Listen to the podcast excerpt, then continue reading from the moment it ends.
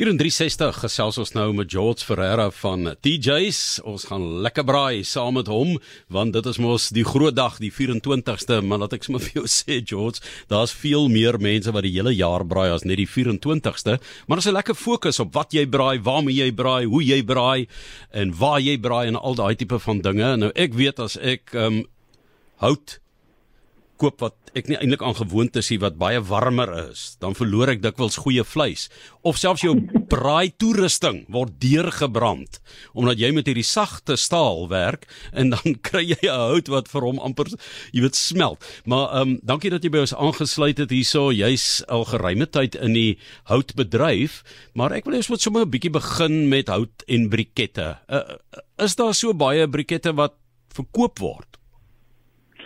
Middag Johan, middag my luisteraars. Baie dankie vir die geleentheid. Ja, ek dink ons sal verbaas wees as ons besef hoe groot is die beketmark in Suid-Afrika. Uh die hout en chalkmark uh in Suid-Afrika is een van die groot groeiende marke en hulle voorsien dat hierdie mark gaan groei teen 'n spoed van 8.8% alhoewel die ekonomie in baie ander bedrywe inkrimp. So jaar 2019 eh, is daar so plus minus 286 miljoen US dollar eintlik gespandeer aan die braaibedryf in Suid-Afrika. Sjoe. Uh hout hout is 'n kleiner deel in uh, in valute in die opsig dat hout bietjie goedkoper is per kilogram, maar as ons kyk daar's so 65000 ton hout is verlede jaar uit Namibië ingevoer na Suid-Afrika. So dis 'n omset van so 150 miljoen saam met vervoer en net die aankoop. So die verkope na verpakking kan jy werk op 'n 300 miljoen plus wat ingevoer is. Dit sluit uit wat plaaslik gesaag word wat beslis 'n groter volume is as die ingevoerde volume. Tjoe, jy praat van verstommende bedrae, ja, Martelies en ek en jy het ook al belê daarin. Ja, nee, definitief al baie daarin belê, maar vertel vir ons bietjie nou van jou kant af George. As 'n mens nou kyk na die brikette teenoor sogenaamde hout, ek dink mense wil altyd liewer hout gebruik. Dit is 'n tipe van 'n geselskap wat jy daarso met 'n vuurtjie het en dit gee atmosfeer. Brikette is 'n ander vorm van energie. So gee net vir ons 'n idee van wat jou opinie is tussen die twee.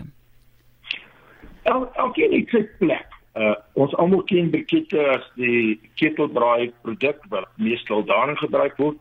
Meeste van ons is mos nou maar uh vir ons net liefde vir die natuur, baie lief om eintlik vir 'n bosveld TV te kyk en dis 'n 'n houtvuur.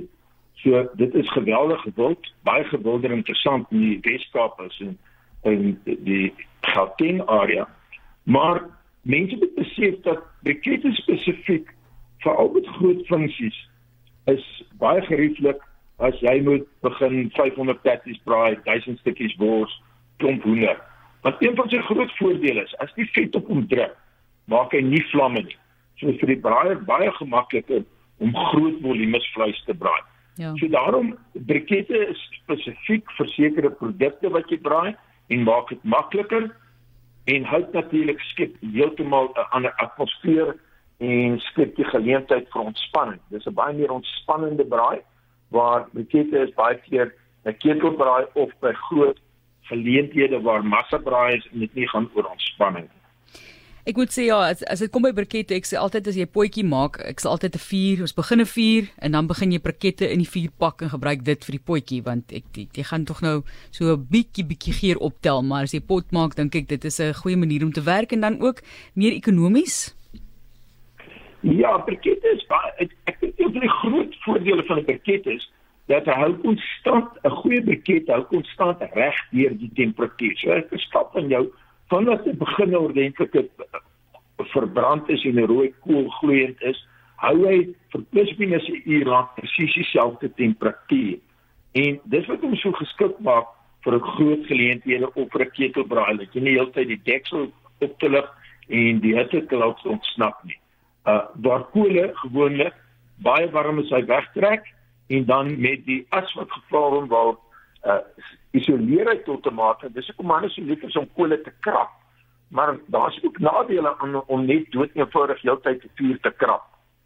Uh want eintlik gee kom dan baie keer te veel suurstof en dan brand jy kolle te vinnig uit.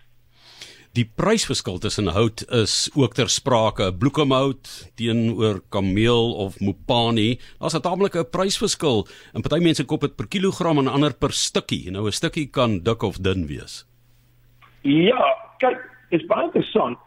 Ons koop in die Weskaap is baie bekend dat ons betaal per stukkie en dit is maar jou plaaslike hout, jou rooikrans, bloekom, black wattle, myrtle wat per stukkie gekoop word, want die arbeider word betaal per stukkie jou meer duursame hout, hoër kwaliteit hout word aangekoop per kilogram en daarom word hy altyd in sak verkoop in per kilogram 20 kg 10 of 7 kg sak. Maar die die die kwaliteit van van die hout en die energiewaarde bepaal eintlik die prys. Dit is amper maar soos Eskom. Ons almal ken load shedding en ons almal is hoogs frustreerd, maar die realiteit is hoe beter energie wil hê jy die produk uit te beheer gaan die produk wees. En dis waar die groot onderskeid kom tussen bloekom en kameeldoring. Uh om jy weet te gee bloekom gaan vir jou kolle gee ons 180 200 grade waar kameeldoring hout wat nou die meer bekende en basoort is onder die uh, harde houtsoorte is hier by 450 grade wat jou kolle gaan wees. En natuurlik hy gaan langer hou en as jy meer uh, energie wil hê dan moet jy duurder betaal. Dit daarom verskil houtpryse so geweldig want dis die energiewaarde wat eintlik bepaal wat is die prys van hout. George, as jy kortliks net vir ons 'n bietjie deur dit kan neem en ek weet dit daar's baie inligting beskikbaar daaroor en wat 'n mens kan gesels oor hoe dit werk en hoe gedoen moet word, maar kom ons gesels eerstens dan Black Wattle en Bloekom en dan vat ons hom so af verder. Goed, Bloekom is altyd 'n lekker tye vuur, is 'n kaggelvuur Maar jy moet onthou dat ons praat braai praat braai vandag en bloekom se kolle is baie van 'n korte duur. Jy gaan sukkel om met gemak op bloekom te braai. Black wattle word deur die Europeërs beskou as harde hout. As jy groot vuur maak, kan jy lekker op hom braai, maar jy gaan baie hout uitbrand. So die kuiervuurman gebruik baie keer black wattle om 'n groot vuur te maak en dan vinnig te braai op die einde van die aand. Rooikrans Rooikrans alom bekend teen die kus van Suid-Afrika. Hy word nat gespuit om uit te droog, maar jy wil hom nie heeltemal droog hê nie, want as hy kirkoring droog is, brand hy ook te vinnig uit en gee nie vir jou goeie kolle nie. Baie bekende uit in die Wes-Kaap, Suid-Kaap, Oos-Kaap. Hy gee redelike matige goeie kolle, maar is nie die top 1 nie. Swartak, swartak is 'n indringerplant, een van die groot opsede in die Noord-Kaap As jy vinnig kolle, as jy lekker warm kolle, ek spot altyd en sê dis vir die manne wat hastig is om te braai want hulle is bang vir die vrou in die kombuis. Dan het ons sekelbos, sekelbos het jy die Namibiese sekelbos of dan die Bosveld sekelbos. Hulle albei gee goeie kolle, hou redelik lank. Dit is 'n indringerboom, so is goed om hom te verwyder, om te saag en as braai uit te gebruik want hy is een groot kopseer raak 'n bosverdigting. Dan kom ons by kameeldoringhout wat alom bekend, seker die bekendste is van die harde houtsoorte en ek wil net vir almal sê ons is baie verantwoordelik.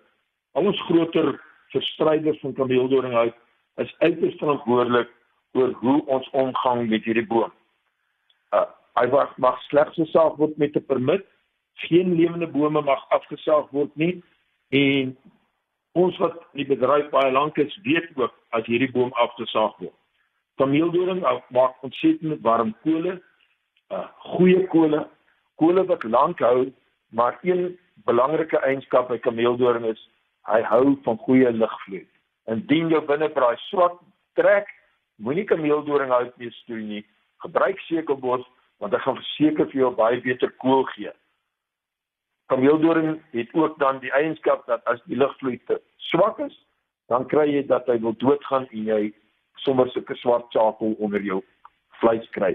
En dan is die braai glad meer 'n lekker braai nie. Laasgenoemde dan is mopani. Mopani is ook 'n beskermde boom. Gee ontsettend goeie kole. Uh gee kole wat baie lank hou, baie warm is. Belangrik daar ons saag nie groot bome nie ons saag net bome kleiner as 180 mm. Ons wil juist die groot bome se groei bevorder deur die kleiner te verwyder en sodoende uh te sorg dat hierdie boom ook in die natuur bly voortbestaan. Ja, en uh, mense moet altyd onthou, jy het nou gesê die regulering permitte en die goed wanneer dit by daai spesiale kole kom en hout uh kom, maar net so uh George ten slotte, wat van die mense dan van jy weet wingerdstompies in in in, in mieliestronkies, het jy nie vir ons 'n paar temperature oor daai goedie? Ja, dis interessant. Mense kan gou so vinnig kyk na die temperature van die verskillende goed. Uh onthou jy betaal vir energie en elke koel gee 'n sekere grade temperatuur vir jou. Wanneer uh, uh uh as jy kyk die koudste op die lys is mieliestronke, hy gee vir jou koel van plus minus 150 grade, brand vinnig en is gou klaar. So jy met daai 150 grade ge, baie effektief geniet. Jy draai baie naby aan die kool en braai letterlik as hy stronk amper uitgebraai is. Bloekomhout Bloekomhout is hier by 180 200 grade. Uh koole hou kort want die die uh digtheid ook van die hout is baie laag. Bloekom groei gewoonlik in riviere. Is 'n vinnig groeiende boom, so sy digtheid is swak en daarom is sy koole en sy energiewaarde ook swak. Dit is 'n geil groen. Wingerstomp, wingerstomp is hier 200 220 grade. Droeland wingerd gee vir jou natuurlik die beste kolle teenoor besproeiingswingerd. Uh maar is ook 'n kool wat vinnig uh goeie hitte gee, maar nie lank hou nie. Dan kom ons by rooikrans. Rooikrans gee vir jou so 250 grade kolle, goeie kool, matige braai, nie te hoog braai nie. Sekelbos 400 420 grade. Jy braai uh, kan redelik hoog bo uh, braai. Onthou nader jy aan jou kolle braai, hoe vinniger droog jy jou vleis uit. So dis baie ouens braai baie naby, maar dan moet jy baie warm kool hê sodat hy tyd is om vleis uit te droog nie. Kameeldoring, so 450 grade is die kolle en dan Bopani 480 grade is die kolle plus minus. Dis so 'n korte opsomming van die verskillende gewildstes en mees bekendstes. Jy kry ander uit soos uh uh, Mashara, jy wat ry na peerpale en daarom gebruik ons hom nie as braai nie, dan kry jy ook jou uh myrtle en hierdie ander houte, maar hulle is baie minder en baie minder bekend ook. Ja, ek dink die interessante George Ferreira met wie ons gesels het is daai Mopaniese hitte van 480 grade om oor die kole daarmee te kuier, maar at least sal jou broodjie baie hoog met min koeltjies gebak ja, nee, moet word. Ek, ek moet sê ek hou nogal van die mieliestronk. Ek het nog nooit met mieliestronk gebraai nie. So ja. dit is my volgende plan. Ek kan net dink wat 'n lekker geur dit ook moet gee. Teen 150 grade het ek gesien daar George Ferreira is eienaar van TJ's Lekker Braai en ons het lekker inligting by hom gekry hoe ons kan braai op die 24ste Erfenisdag en Nasionale Braaidag.